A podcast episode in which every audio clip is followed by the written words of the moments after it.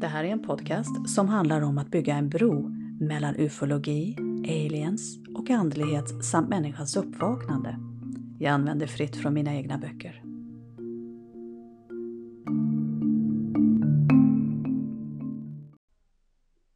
Det finns en dokumentär som heter Two-Face the Grey och den kom ut 2020 och den är gjord av Chad Kalak. Och den här dokumentären den är spännande på så många olika sätt och vis. Kalak hävdar nämligen att han fick en låda med dokument och bilder av bland annat ufon av en främling. Och det här låter ju bekvämt och kanske lite för bra för att vara sant och genom att använda den här informationen som han då fick av en okänd givare i sin film, ja då kan man ju säga att han kommer undan med att inte källhänvisa på rätt sätt. Men denna främling, hävdar Kalak, sökte upp honom efter en presentation som han gjorde om ufo-relaterade fenomen. Och det är klart, vi kan ju ifrågasätta om det verkligen gick till så. För det låter ju som något som man ser på film, så inte något som händer i verkliga livet. En mystisk man som dyker upp ur ingenstans och så lämnar över en låda fylld med bevismaterial som han då sen använder för att skapa sin dokumentär. Ah, man häpnar. Men om man vänder på det lite grann och så tänker man så här. Hur annars kan de som sitter på stulna eller sekretessbelagda dokument annars nå ut med vad de vet? För de som sitter på information menad att döljas för allmänheten, ja de står ju inför dilemmat att bli avskedade från sina arbeten. Eller kanske till och med möta en oväntad död. Behöver inte alltid gå så långt. Når informationen man har om ufon eller utomjordingar till media, ja men då är ju risken större att man endast blir utskrattad eller förlöjligad.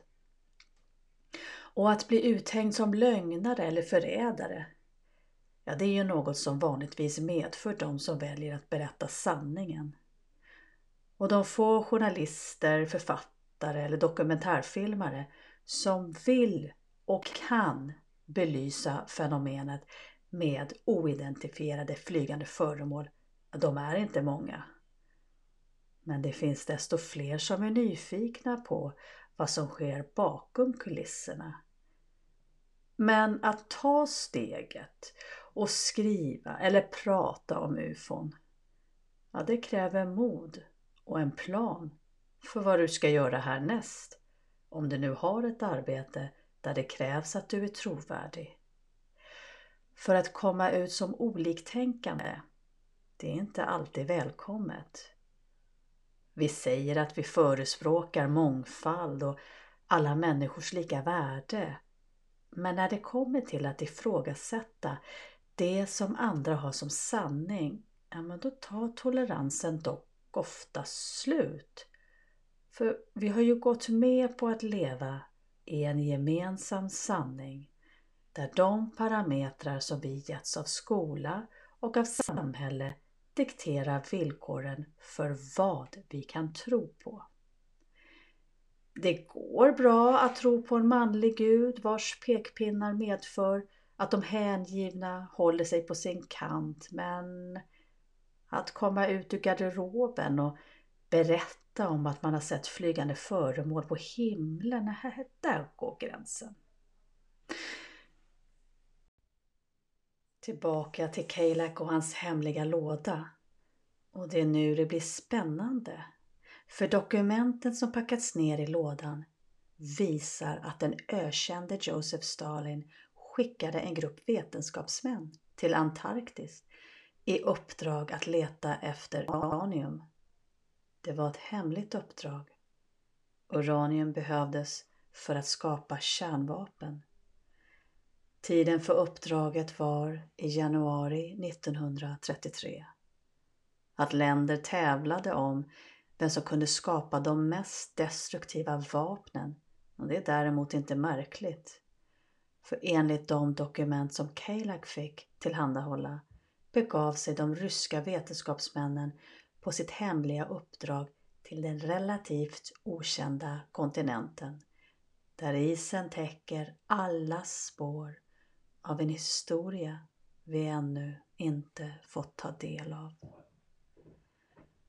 När ryssarna kom fram till Antarktis möttes de inte bara av isande kyla. Tre varelser, vilka kan beskrivas som inte av denna värld, enligt delegationens utsaga, dök upp tillsammans med en grupp små grå varelser med stora ögon. Inga ord yttrades. Istället skickades mentala meddelanden till ryssarna där det tydligt framkom att de inte var välkomna. En av vetenskapsmännen, och han behöll tillräckligt med lugn för att kunna fråga en av de närmare tre meter långa varelserna var de kom ifrån. För att de inte härstammade från jorden, det var för honom uppenbart. Den långa varelsen svarade att de kom från en planet vid Orions bälte. Och när den modiga vetenskapsmannen förklarade att de var på Antarktis på fredligt uppdrag och att de inte hade något ont i uppsåt svarade varelsen att de visste vad han letade efter och att de ryska besökarna inte skulle få det som de önskade. Med svansen mellan benen lämnade den ryska delegationen det hotfulla sällskapet för att bege sig tillbaka till hemlandet. Väl hemma på rysk mark möttes de av ett ännu större hot än rymdvarelserna som skickat tillbaka dem från Antarktis. En paranoid Stalin. Och att förklara för en blodtörstig diktator att man inte lyckades med uppdraget, det kräver mod. Och de valde att berätta sanningen. Stalin avfärdade deras ursäkt med att skicka dem till fängelse på livstid. November 1933. Vintern närmade sig Tyskland och samma år som Stalin skickade sina vetenskapsmän till Antarktis fick Hitler kännedom om historien genom lyhörda spioner. Och skildringen avfärdades inte som påhitt eller galenskap. Hitler hade ju en stark tro på både det okulta och på utomjordingar. Han hade även en stark vilja att skapa kärnvapen som han kunde använda i sin agenda att styra världen. När den tyska delegationen närmade sig Antarktis så fick de syn på ett flygande föremål som de inte kunde identifiera. De tog genast sikte och sköt ner farkosten som störtade ner i den vita snön. Två små grå djur, enligt tyskarnas redogörelse, hittades döda i farkosten. Och när Hitler fick vetskap om det kraschande flygande föremålet beordrades delegationen att frakta den klockformade farkosten till Tyskland. Werner van Braun, ledande inom sitt område och som senare fick stora uppdrag i NASA, blev tillfrågad att undersöka farkosten. Efter att ha undersökt det oidentifierade föremålet meddelade han Hitler att det gick att använda omvänd konstruerad ingenjörskap för att skapa liknande flygande farkoster. Werner van Braun fick alla resurser han behövde. Man snålade inte på det man trodde skulle leda till fördelar för det tredje riket. Die Glocke, som den flygande farkosten nazisterna framställde, är föremål för många konspirationsentusiaster. Och än idag spekuleras det om om Die Glocke verkligen fanns. Lyckades nazisterna med att konstruera vad de flesta av oss skulle kalla för ett UFO, ja, men då borde ju vi veta mer om det. Kalak beskriver i sin dokumentär om en dokumenterad iakttagelse han anser är mycket trovärdig. Den 6 november 2018 filmades vad som kan beskrivas som ett klockformat flygande föremål i Göteborg. Vem låg bakom konstruktionen? Och vad var syftet för detta flygunder att uppenbara sig i Sverige?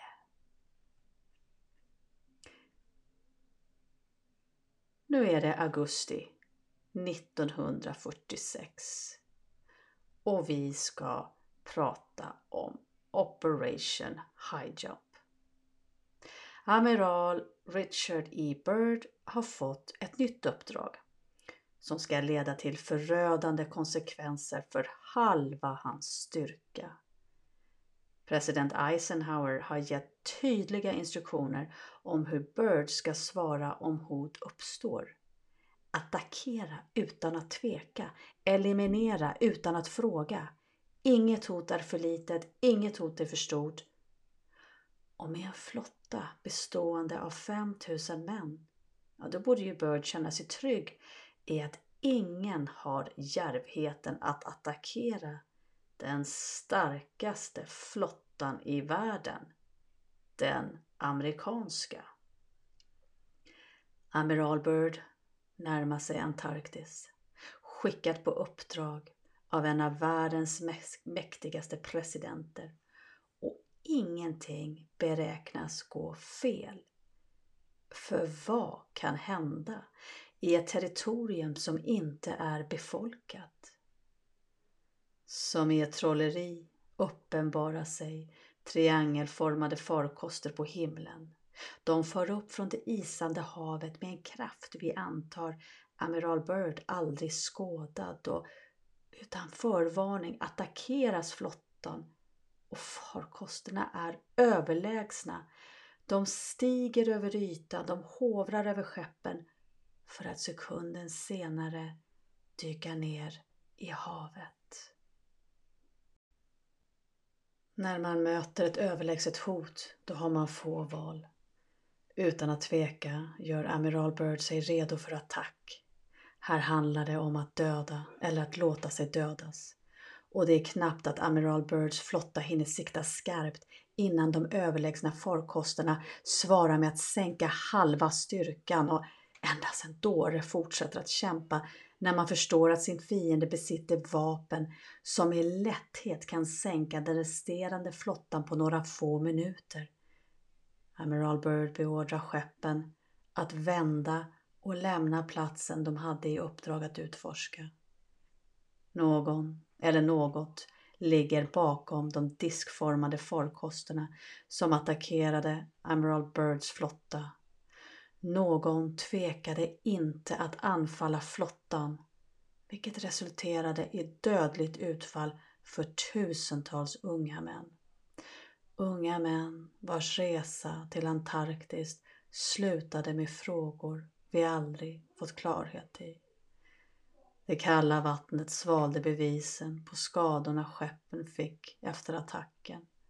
De unga männens kroppar återfanns aldrig. Amiral Byrd var tyst om händelsen i många år. Till slut hittade han modet att berätta vad som skett den där digra dagen då han närmade sig Antarktis. Och svaret om vem som låg bakom attacken kom aldrig till ytan innan Amiral Byrd dog. Ilskan och rädslan han måste ha känt när han såg skeppen attackeras han måste förvandlats till skuld och sorg. en skuld han bar med sig till sin död.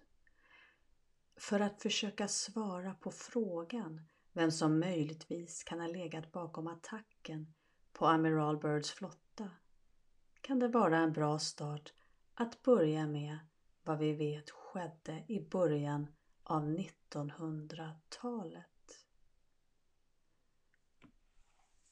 Första världskriget lider mot sitt slut. Miljontals människor lider av krigets konsekvenser. En grupp män vars hjärtan fylls av rasism och hat mot de som inte är arier, de dras till varandras sällskap. Och i mörkrets ondska hittar de varandras tillåtelse att söka svar genom det okulta. Thulegruppen var ett hemligt sällskap som träffades för att diskutera idéer och tankar om världens mysterium. Och inte vem som helst kunde bli medlem i detta sorgliga sällskap. Förutom att du måste vara av arisk bakgrund skulle du även inneha en befattning som värderades högt i dåtidens samhälle. Advokat, läkare eller affärsman var några av de accepterade yrkena som medlemmarna kunde ha. Och det var inte endast ett tjugotal rasistiska män i denna grupp. Nej, Thulesällskapet, de hade upp till 1500 medlemmar, varav en del var svenskar. Inom gruppen cirkulerade det historier om Agartha, en underjordisk plats man trodde låg gömd i Nordpolen. Det fanns en ingång någonstans i norr och om man hittade ingången togs man ner till en ny värld. En värld där jättar sov i väntan på att vakna. Platon hade nämnt platsen och beräknat att platsen låg i norr. Och andra tänkare anser att platsen där porten till underjorden finns, att den ligger i Tibet, Mongoliet eller i Sydpolen. Vi vet att nazisterna var intresserade av det okulta och av mytologiska berättelser som de antog baserades på någon slags sanning. Och ja, myter uppfinns inte ur tomma luften. Det finns en sanning som gömmer sig mellan raderna även i den mest fantasifulla berättelsen. De vediska skrifterna, likt det som står i gamla och nya testamenten, anses vara påhitta historier med syfte att kontrollera människor och kanske innebär den synvinkeln att man gör det lätt för sig. För allt som man inte förstår eller som har en referenspunkt till mytologi behöver inte innebära att det handlar om påtvingade fantasier. Vi vet att hemliga expeditioner gjordes för att söka efter ingången till underjorden. Om Thulesällskapet hittade det som de letade efter, ja, det förtäljer däremot inte historien. Det finns de som hävdar att underjorden är befolkad av grupper som undviker oss som lever på ytan. Alltså de undviker oss inte för att de ogillar människor utan för att de anser att det är fullkomligt kaos på jordens yta. Vi har krig, miljöförstöring och en brist på empati för att nämna bara några av problemen som de anser ovärdiga. Att det bor varelser, likt människosläktet, under ytan, ja, det anses omöjligt av de flesta, men, men det hittas ju mer och mer bevis om utgrävda tunnlar som leder mellan länder och kontinenter. Och eftersom man inte vet hur man kan förklara fenomenet med tunnlarna, då undviker man att ta upp frågan i media eller i den vetenskapliga kretsen för Ja, vilken hypotes ska man använda i sin forskningsrapport? är tunnlar som sträcker sig tusentals kilometer utgrävda för tusentals år sedan med, med redskap som vi inte har eller med redskap på stenåldern. Ja, men jorden, alltså den är ju inte ihålig men att det finns fickor och större grottor där tunnlar leder till och från. Ja, men det behöver ju inte vara omöjligt. Det finns de som har sett utgrävda tunnlar som leder mellan antika städer där tidiga civilisationer verkade. Och det här kan vara städer som byggdes för till och med miljontals år sedan enligt vissa konspirationsteoretiker. Och de få som har hittat fram till städerna för att sedan återvända till jordens yta, de beskrev upplevelserna som de har haft. Men de blev ju inte trodda. Men vad skulle anledningen vara att hitta på att man har sett befolkade städer i underjorden? Man vinner ingenting på att hävda något som alla anser är lögner. Tillbaka till våra nazister. Alltså det är svårt att argumentera mot att nazisterna var ute efter någonting annat än sitt eget bästa. De fick information om teknologi som resten av världen inte var i närheten av att utveckla. Och tyskarna var framgångsrika i ingenjörskap men från att vara i framkant till att bygga flygande farkoster som var överlägsna i manövrering, styrka och fart, nej, det är ett stort steg. Förklaringen att tyskarna med Werner von Braun i spetsen då använde sig av omvänt ingenjörskap från ett UFO som de kanske hade skjutit ner. Ja, men det är inte en omöjlighet för någonstans måste de ha fått information hur man byggde flygande farkoster som världen aldrig hade skådat. Marina Orsic, århundradets mest intressanta medium. Ja, det sägs ju att bakom varje framgångsrik man så finns det en kvinna. Och en av förklaringarna till hur nazisterna lyckades med att få information som inga andra länder hade, den innehåller en relativt ung blond dam. En vacker kvinna vid namn Marina Orsic gav dem allt som de behövde. Nu kan vi ju ifrågasätta varför vi ger här Marina benämningen vacker och varför det skulle vara en viktig del i vår sökning efter svar om UFO-frågan. Men en snabb googling på internet visar bilder av en kvinna som lika gärna hade kunnat få modelljobb i dagens utseendefixerande samhälle. Men vem var den här Marina egentligen? Ja, först och främst, Marina Orsic var inte berömd för hennes skönhet utan det som gjorde henne omåttligt populär och respekterad i manliga sällskap det var hennes förmåga att kanalisera budskap från andra sidan. Att verka som medium var ingenting nytt i 30-talets Tyskland.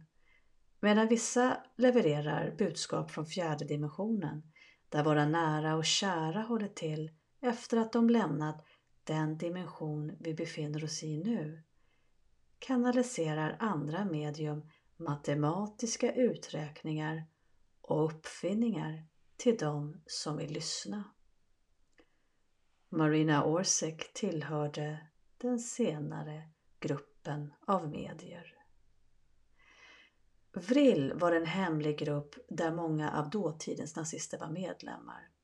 Gruppen var av uppfattning att Marcina, Marina Orsic hade kontakt med något de själva inte kunde se eller höra och, men de förstod värdet av den information som Marina levererade.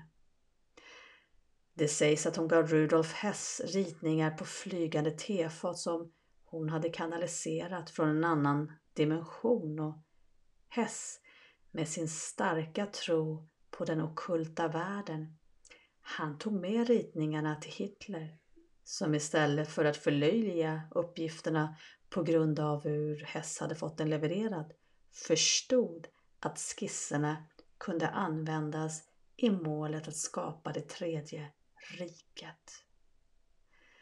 Marina Orsics genomträngande blick avslöjar inte hennes syfte med att överlämna bilder och ritningar till en man vars själ var genomsyrad med ondska och att, men att hon existerade på riktigt. Ja, det finns det tillräckligt med dokumentation som visar. Och det kommer att komma en dag när resten av sanningen om det som Marina kanaliserade kommer att komma upp till ytan. Hennes motiv vet vi ingenting om. Bara att hennes förmåga att kontakta andra världar togs tillvara på av illasinnande nazister. En mer obehaglig förklaring till hur nazisterna fick tillgång till framtidens teknologi det är att de skapade en pakt med en grupp utomjordingar som härstammar från Draco-konstellationen. Dessa reptilliknande varelser, de är kända för att vara onda och en av de få utomjordingar som inte har människans bästa i åtanke. Och lika barn leka bäst. Onda utomjordingar med mörk agenda kan mycket väl ha blivit bemötta med öppna armar av lika onda nazister. Vi kan inte veta vad Dracos agenda är. Men enligt konspirationsteoretiker är det möjligt att det pågick ett slags samarbete mellan reptiler och nazister. Ett samarbete vissa hävdar existerar än idag. Nazister var aldrig ute efter att skapa en bättre värld för människor, förutom för dem själva. Deras agenda var och är att göra sig av med de människor de inte ser som arier. Vad de däremot inte gjorde sig av med var kunskap de kunde använda i kampen mot att skapa en egen, mer överlägsen civilisation och genom att hålla alla dörrar öppna, inklusive till den information man hittar i skrifter som var skrivna av människor från andra kulturer för tusentals år sedan, ja, då kan man ha hittat kunskap som vi andra idag inte än har tagit del av. Det sägs att nazister byggde ubåtar som tog dem till Antarktika i slutet av andra världskriget. De visste att tidigare civilisationer hade bott i området tidigare och de visste att det fanns befolkningsgrupper under isen som inte ville beblanda sig med människor. Och det är ju inte svårt att acceptera tanken på att nazisterna skulle sälja sin själ till utomjordingar de stötte på om det fanns en vinst i det för dem själva. Så kanske finns det en sanning i att de byggde upp en ny stad under isen på Antarktis i ett område där någon redan banat vägen. Kanske fick de hjälp av vänner vars utseende skulle få de flesta av oss att rygga tillbaka. Långa, muskulösa, ödeliknande människor, varelser med gulfläckade reptilögon. Alltså, de har ju tendenser att ge oss kalla kårar längs ryggraden. Nazister däremot, de välkomnar dem som likasinnade. Speciellt om reptilerna har haft en historia av övervåld i galaxer under hundratusentals år. Vi vet idag att tusentals nazister försvann till Sydamerika. Och tanken att lika många visste vägen till den nya civilisationen under isen på Antarktis. Ja, men, ja, det kan ju verka otänkbart första gången vi hör det. För om det verkligen var så, ja då skulle vi väl ha läst eller hört om det här för länge sedan. Eller? Vi vet ganska lite om Antarktis än idag, annat än det som media ger oss. Kanske kommer vi i framtiden att läsa sanningen om vad man hittat och fortsätter att hitta på den otillgängliga kontinenten. Kanske är det ett stort diskformat UFO man försökt täcka över så att satelliter kopplade till Google Earth inte ska kunna upptäcka ovanligheter. Eller så hittar man individer som härstammar från andra solsystem på kontinenten. Utomjordingar som lever sida vid sida med seglivade nazister vars hopp om tredje riket förs över till nästkommande generationer. Ponera att man verkligen har hittat en pyramid på Antarktis. Men fyndet skulle skapa förvirring i och med att vi fastställt den kronologiska tidslinjen och att vi har som empiri att det inte fanns kontakt mellan olika civilisationer och det som hände i Egypten det här med att bygga pyramider, det stannade i Egypten och de pyramider som byggdes i Kina och på olika platser i Central och Sydamerika, ja de skapades utifrån de kulturer som bodde där. Och det sägs då att ingen kontakt kan ha funnits mellan Egypten och Amerika. Att hävda något annat är att gå emot den vetenskapliga och antropologiska forskningen och ja, men det är ju bättre då att satelliter bara suddar ut de byggnader och objekt som inte kan förklaras vara resultat av naturliga fenomen.